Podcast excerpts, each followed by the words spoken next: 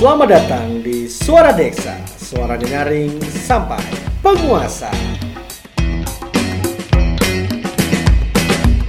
Assalamualaikum warahmatullahi wabarakatuh. Selamat bertemu lagi dengan kami di channel podcast Gelas Kosong bareng saya Nuryadi dan rekan saya Muklis yang malam hari ini, oh nggak bisa mau jemput malam ya karena ini bisa didengarkan kapan pun kalian sedang uh, menikmati podcast ini bisa siang, bisa pagi, bisa malam. Itu adalah hak asasi kalian semua untuk bisa mendengarkan podcast hari ini di gelas kosong. Nah malam di hari ini kita akan ngebahas sebuah hal yang mungkin setiap hari kita kita rasakan.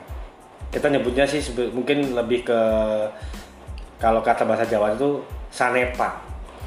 Sanepan sanepan apa yang biasanya ada dan sering kita dengarkan dan ternyata hal itu tidak hanya ada di satu kota tertentu tapi ada di banyak kota karena apa hari ini saya berasal dari kota Bontang dengan latar belakang keluarga dari daerah Bugis oh. dan rekan saya Mas Muklis ini berasal dari tanah Jawa dari Batu Malang hmm.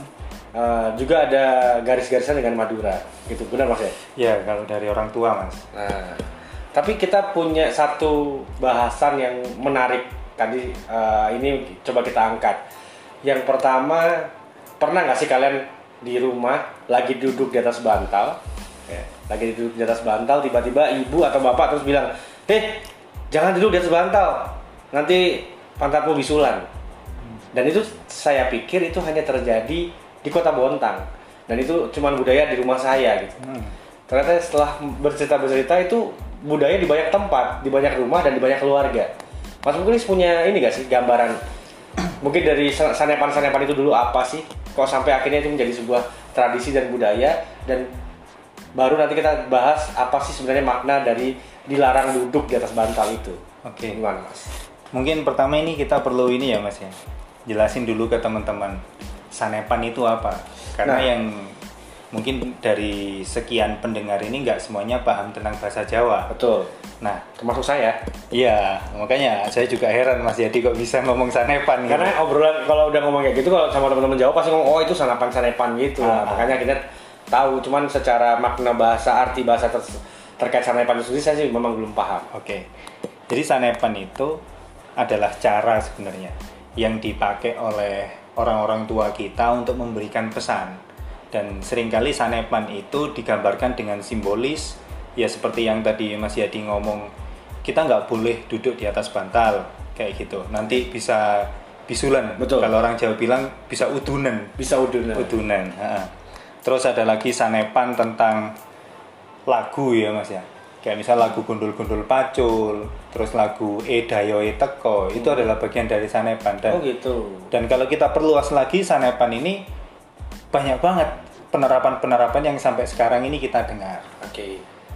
mungkin kalau teman-teman suka cerita horor ya kan kita mesti di suatu tempat itu ada wanti-wanti ada larangan untuk ke suatu tempat karena angker benar nah angker pun juga sanepan oh, oke okay. nah, dan nah, sanepan ini kalau misal dari bahasanya sanepan itu perumpamaan. Oke. Okay. Hmm, karena budaya orang kita Nusantara secara umum itu uh, selalu menggunakan simbolis tertentu untuk menyampaikan pesan sebagaimana yang tak sampaikan di awal. Nah termasuk cerita tentang kita nggak boleh tidur atau duduk ya lebih ya, tepat duduk, menduduki bantal menduduki bantal saya di sini pengen garis bawahi dua hal sih. Mm-hmm. Yang pertama, loh ini kok bisa? Saya yang ada di Batu, mm-hmm. terus termasuk saya pernah tinggal di Pasuruan, yeah. di Jawa lah ya. Itu ada informasi kayak gini. Terus Mas Yadi, yeah. Jauh nih di Bontang, kita harus nyebrang. Ini cerita ini udah turun temurun mungkin ratusan tahun ya kalau misalnya kita harus gali. Nah. Lah itu yang pertama saya juga pengen tanya sebenarnya Mas, kok bisa teknologi adakah teknologi yang buat cerita ini viral gitu? Nah betul. Mm -hmm. sebelum sebelum kita ngomong tentang ada apa sih di balik tidur apa duduk di atas bantal gitu kan? Kayak itu gitu. juga menarik. Akhirnya kan kita kadang-kadang juga banyak hal ya termasuk itu tadi. Makanya ini jadi kenapa kita angkat di materi podcast kita yang sekarang. Selain uh, kita ngomongin tentang kok bisa tadi kan di awal saya aku bilang kok bisa kita saya yang di Bontang berlatar belakang Bugis. Orang orang tua saya dari Sulawesi merantau ke Kalimantan hidup di Kalimantan terus punya uh, teguran ke anaknya kalau saya lagi duduk di atas bantal terus dibilangin jangan duduk di atas bantal nanti bisulan hmm. terus kita ngobrol-ngobrol uh, santai kecep ada yang ceplos. Loh kok itu juga dirasakan sama anak Surabaya? Padahal zaman itu belum ada sosial media. Telepon juga masih susah hmm. kalau mau berkirim surat. Tapi kan masa orang dulu hanya mengirim surat terus kasih tahu eh di tempatku ada permainan gini kan juga kayaknya buat apa gitu. Iya. tapi kok itu bisa sampai nah itu apa? Kalau menurut Mas Muklis ada fenomena apa di situ? Kalau saya ngelihat memang unik ya. Yang unik itu sebenarnya bukan cuma tentang ini aja dan banyak lagi lah hal, -hal. banyak banyak hal saya juga berpikir kalau misal ngomong hal yang logis mungkin nggak sih dulu waktu zaman zaman kita berdagang ya zaman zaman kapal dari Kalimantan ke Jawa Betul. terus juga mereka itu selain ngomong tentang perdagangan, perdagangan jual belinya tapi juga ada mapping Betul. pendataan ya.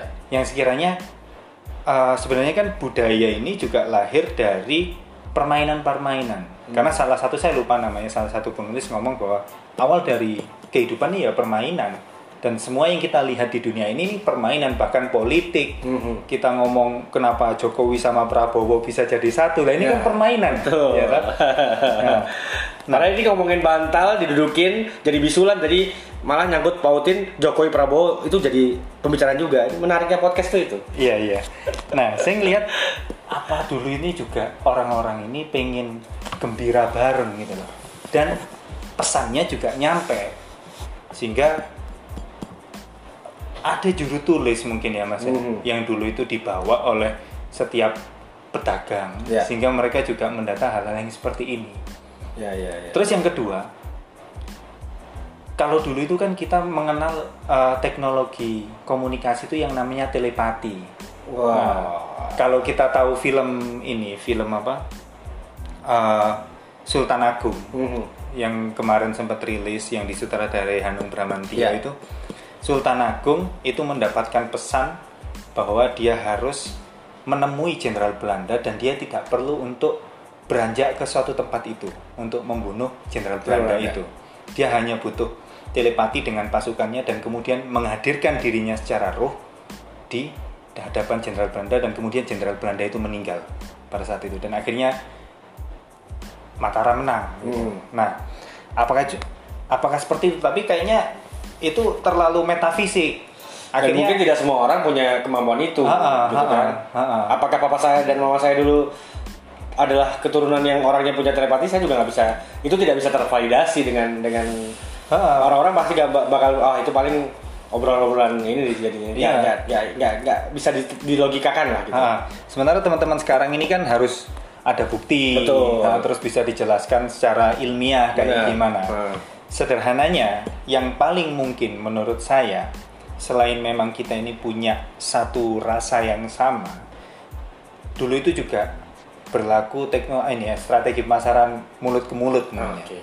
Dan ini juga tugas teman-teman untuk mencari karena saya saya yakin teman-teman juga masa kecilnya yang kita ada di generasi 90-an ini mm -hmm. itu juga tahu banget tentang cerita-cerita kayak gitu. Banyak gitu. banyak permainan-permainan kecil mungkin jenis permainannya sama cuma nama nama nama di masing-masing daerah berbeda-beda uh. contoh kayak kalau di Jawa namanya gebak sodor hmm. kalau di tempat saya namanya calak cadang calak cadang calak cadang oh, tapi iya, iya. persis cara bermainnya peraturan permainannya jenis hmm. permainan itu persis plek sama cuma nama beda beda nama aja iya iya iya banyak juga tradisi-tradisi dan segala macam banyak cuman uh, cara di saya udah 14 tahun 15 tahun lah di di, di Surabaya di Jawa hmm saya ngeliat oh kok Jawa dan Bugis kayaknya punya irisan budaya yang sama, mm-hmm. ritual yang sama. Mm-hmm. Cuman memang nama-namanya itu berbeda-beda. Itu nanti akan kita bahas di episode yang lain lah. Ah, Kok bisa ah. seperti itu? Tapi kita akan fokus di sanepan-sanepan ini dulu. Oke. Okay. Hmm. Dan kalau kita tahu sih mas, Mas Jadi ngerasa nggak sih? Kalau Mas, padahal kita jauh nih ya, ya.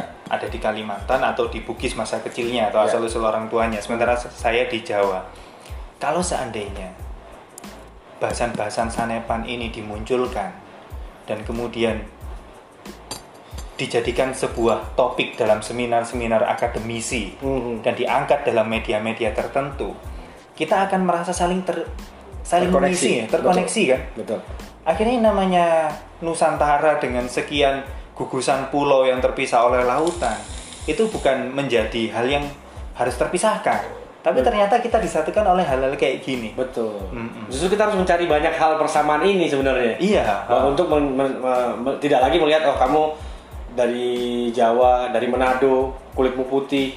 Mm-mm. Terus yang dari Jawa, dari ini kulitnya hitam segala macam. Kita udah bisa di, karena kita sudah terbungkus dalam satu satu apa ya namanya satu wadah yang kita omongin namanya Indonesia atau Nusantara ini Ah, ah, ah. harusnya kita perbanyak sebenarnya memang ini harus kita banyak perbanyak makanya kita hadir pak Oke. channel gelas kosong ini hadir untuk mengisi kekosongan itu Ah, ah, ah, untuk ah. mencari persamaan-persamaan budaya yang ada di Nusantara. Iya iya iya. Sebenarnya kalau kamu kalau ka- teman-teman podcast yang dengerin podcast ini coba deh kalian berasal dari mana atau punya teman yang teman dari daerah lain, budaya itu tidak akan jauh berbeda. Ah, ah. Bahkan mungkin bahasa kita pun mungkin berbeda-beda. Batak, Jawa, Bugis. Aku ngomong Jawa aja deh sama Bugis karena yang aku tahu ya. Ah, ah. Telu itu di, di Bugis juga tiga, di Jawa juga tiga. Ah. Iya iya. Nah, ada yang menarik di Makassar itu ngomong kue Ah. itu dia akan ngo- ngo- bahasa Makassar itu kandre Jawa, Kanre. kandre Jawa. Ah. Ya, kandre itu kalau dalam bahasa Bugis itu makanan, Oke. makan. Tapi ditambahi Jawa itu namanya kue basah. Oh. Dia akan ngomong kandre Jawa. Berarti mungkin pada saat dulu mungkin kayak pedagang-pedagang Jawa, kapal-kapal dari Jawa datang, dia selalu bawa kue-kue basah. Ah, ah. Nah, akhirnya orang sana bilang, oh itu kandre, kandre, kandre Jawa, itu kandre makanannya orang Jawa. Iya, iya, Nah, iya. akhirnya jadi bahasa. Dan sebenarnya ada asimilasi di sana. Ah, akhirnya jadi satu. Iya, nah, iya. seperti itu. Nah, itu menarik banget memang. Makanya kita pengen hadir dengan channel nama Gelas Kosong ini. Kita pengen mengisi kekosongan-kekosongan yang ada di masyarakat. Yang udah mulai hilang, Hmm. akhirnya coba kita angkat lagi. Iya, iya. Gitu, Mas. Terus uh, nih mas, eh, terkait viral itu tadi ya, Mhm. kok bisa sih atau ada persamaan kalau hari ini kan mungkin teman-teman banyak lah untuk ngisi waktu kosongnya di rumah karena kita harus stay at home, Betul. itu lihat Instagram, explore di Instagram dan pasti yang ketemu itu sekarang kan lagi banyak ini ya konten-konten TikTok. TikTok. Nah, TikTok itu untuk bikin viral dia harus bikin hashtag tertentu Mhm. sehingga algoritma itu ketemu dengan orang-orang yang Sesama sesama bikin hashtag itu Betul. dan akhirnya viral misal Betul. kayak apa sekarang uh, brush challenge Oke. terus goyang mama, Goyang mama muda. muda. Nah, itu kan Wah, itu Lah, ini viral banget. viral ada perangkatnya Goyang ubur-ubur. goyang ubur-ubur ada perangkatnya TikTok gitu Iya, nah. lah kalau dulu berarti ada perangkat Betul. Pasti harusnya Ah, ada. harus ada dan itu yang perlu kita cari karena memang kita sudah ke skip sekian generasi Mbak, dulu TV, kita ngomong TV, TV itu tapi baru ada yang baru rame mungkin sekitar tahun 90-an saya SD itu baru ada mulai ada RCTI dan kawan-kawan. Sebelum itu ya TVRI dan TVRI ya aku rasa juga dunia dalam berita ya paling cuma berita dalam berita, Hmm. berita dalam apa sebelumnya itu yang jam 8-nya, jam 7-nya itu yang eh, berita untuk dalam negerinya, Hmm. aku lupa namanya. Tapi yang memang yang paling fenomenal ya dunia, dunia dalam berita gitu kan. Cuman ya ya kayak gitu-gitu aja kontennya gitu. Tidak Ah. bisa memviralkan apa yang yang kita bahas tadi ini. Nah, Iya. itu media itu mungkin jadi jadi PR kita bersama. Hmm, hmm. Jadi pembicaraan kita bersama lah. Kita akan kulik lagi nanti kalau kita sudah punya dapat referensi-referensi sebenarnya apa sih. Itu Ah. menjadi menarik, bahasan menarik juga yang bisa kita angkat. Kita kembali ke bahasan sanepan tadi atau perumpamaan tadi terkait kenapa kok dilarang duduk di atas bantal. Hmm. Kira-kira kalau menurut eh, Mas Muklis apa sih Mas yang pengen disampaikan orang tua kok kita di- dilarang duduk di atas bantal? kalau saya ngelihat orang tua itu begitu detail ya dalam Hmm. menggambarkan dipan dipan tahu ya mas ya Kasur ya? tempatnya kasur Tempatnya kasur. kayunya itu Hmm. Itu untuk apa untuk sebagai wadah kasur kemudian kasur ini kalau secara fungsi itu untuk tempat merebahkan tubuh kita termasuk bantal bantal ini kan untuk menyangga kepala kita Ya.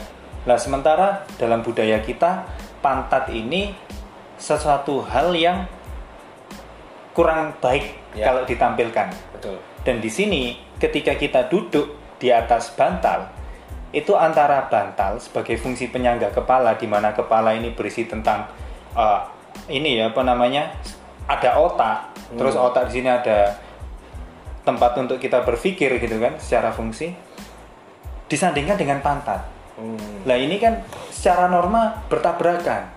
Sesuatu hal yang bisa digunakan untuk hal positif kok ditemukan dengan tempat pembuangan sisa metabolisme kita. Oke. Sehingga muncullah di situ jangan duduk di atas bantal nanti bisulan atau nanti udunan. Lah udunan ini satu hal yang sakit. Ya. Lah kita itu coba diterapkan dengan norma-norma di mana ketika kita mengaplikasikan itu dalam kehidupan sehari-hari, kita bisa menempatkan diri. Hmm. Kita bisa menempatkan menarik. nah, kita bisa menempatkan diri. Kamu kalau misal bersikap baik itu harus seperti apa, di mana penempatannya, jangan salah dalam menempatkan. Akhirnya kayak itu tadi bagus plus ketemu min, Hmm. akhirnya kan min ketemunya, Ya. udunan, Ya. bisulan, Betul. luka. betul. Luka. Nah, itu yang sebenarnya itulah budaya kita sanepan itu budaya antisipasi, Oke. pencegahan, Sebenarnya pengen mengajarkan sopan santun. sopan santun juga. Sopan santun, kamu bisa menempatkan diri. Nah, caranya ya, ca- caranya apa? Akhirnya kamu selalu ingat, kalau nang ber- apa paling paling gampang bertamu ke rumahnya orang, kalau ada bantal ya ojo dilunggui. Iya. Soalnya bantal itu bukan tempat gaya lunggu. Ah. Itu adalah untuk tidur atau untuk menjaga kepala. Itu Ah. yang paling gampang ya. Yang paling gampang. Ya. Termasuk misal kalau bantal itu dibuat sandar punggung itu masih oke. ya. Masih oke karena punggungnya dalam budaya kita itu bukan satu hal yang Kurang terlalu negatif. Ya. Ah. Karena punggung ini kan sebenarnya di punggung ini ada tulang belakang.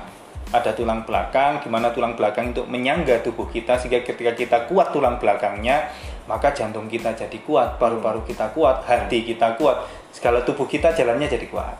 Kayak gitu. Jadi Hmm. masih masih ketemu. Menarik, menarik, gitu. menarik, menarik, menarik. Jadi tadi teman-teman bahasan singkat kenapa apa eh, sebuah mungkin teman-teman juga eh, merasakan ya bahwa atau pernah juga mengalami di di dikandani bahasa bahasa Indonesia itu apa? Dikasih tahu. Dikasih tahu Nah. pada saat lagi di rumah kan memang kadang-kadang kita kalau duduk itu gak enak kalau tempatnya tuh nggak empuk ah. Mulai- apalagi kalau yang sudah mulai asam urat sudah suka kesemutan ya kan pasti pengennya yang empuk dan eh, nyaman akhirnya yang kita lakukan adalah duduk di atas bantal Ah. nah ternyata itu adalah yang tadi disampaikan Mas Muklis adalah bagian dari me- memberikan kewaspadaan ya Iya, memberikan kewaspadaan. kewaspadaan kita harus bisa menempatkan diri bantal itu tempatnya untuk kepala Hmm. jadi kalau kamu nanti berada di masyarakat bertemu dengan masyarakat ada di posisi lagi berkumpul sama orang-orang pinter Mm-mm. soleh ya ojo ketok Preman sih ya namanya. ya menempatkan diri Iya. ketemu sama orang yang miskin yang bukan miskin ya kurang maksudnya kurang, Kurang beruntung ojo ketok sok-sok kaya sok-sok pamer sombong kayak ngono Iya. ya kayak gitu-gitu mas ya Ya, akhirnya lebih kayak gitu. akhirnya bisa menempatkan diri Ah. itu tadi makna dari bantal untuk kepala sedangkan pantat ini adalah tempat pembuangan hal-hal buruk lah Ah. membuang hal buruk bau jelek dan kawan-kawan itu ada di pantat semua Ah. mosok bekas tempat kepalamu mbok kayak no tempat pantatmu Ah. itu teman-teman ya itu tadi sedikit bahasan tentang budaya atau sesuatu yang sering terjadi di rumah mengenai duduk di atas bantal itu aja sudah menjadi sebuah pembicaraan yang sangat luar biasa terkait hal kenapa kok itu bisa jadi viral di seluruh tempat Nusantara, ya. Nusantara dan apa sih makna filo- filosofis di dalamnya tetap terus dengarkan dan simak obrolan-obrolan kita di channel Gelas Kosong karena di Gelas Kosong kalian akan bisa mengisi kekosongan dengan ilmu pengetahuan. Saya Nuryadi dan rekan saya Muklis. undur pamit. Assalamualaikum warahmatullahi wabarakatuh.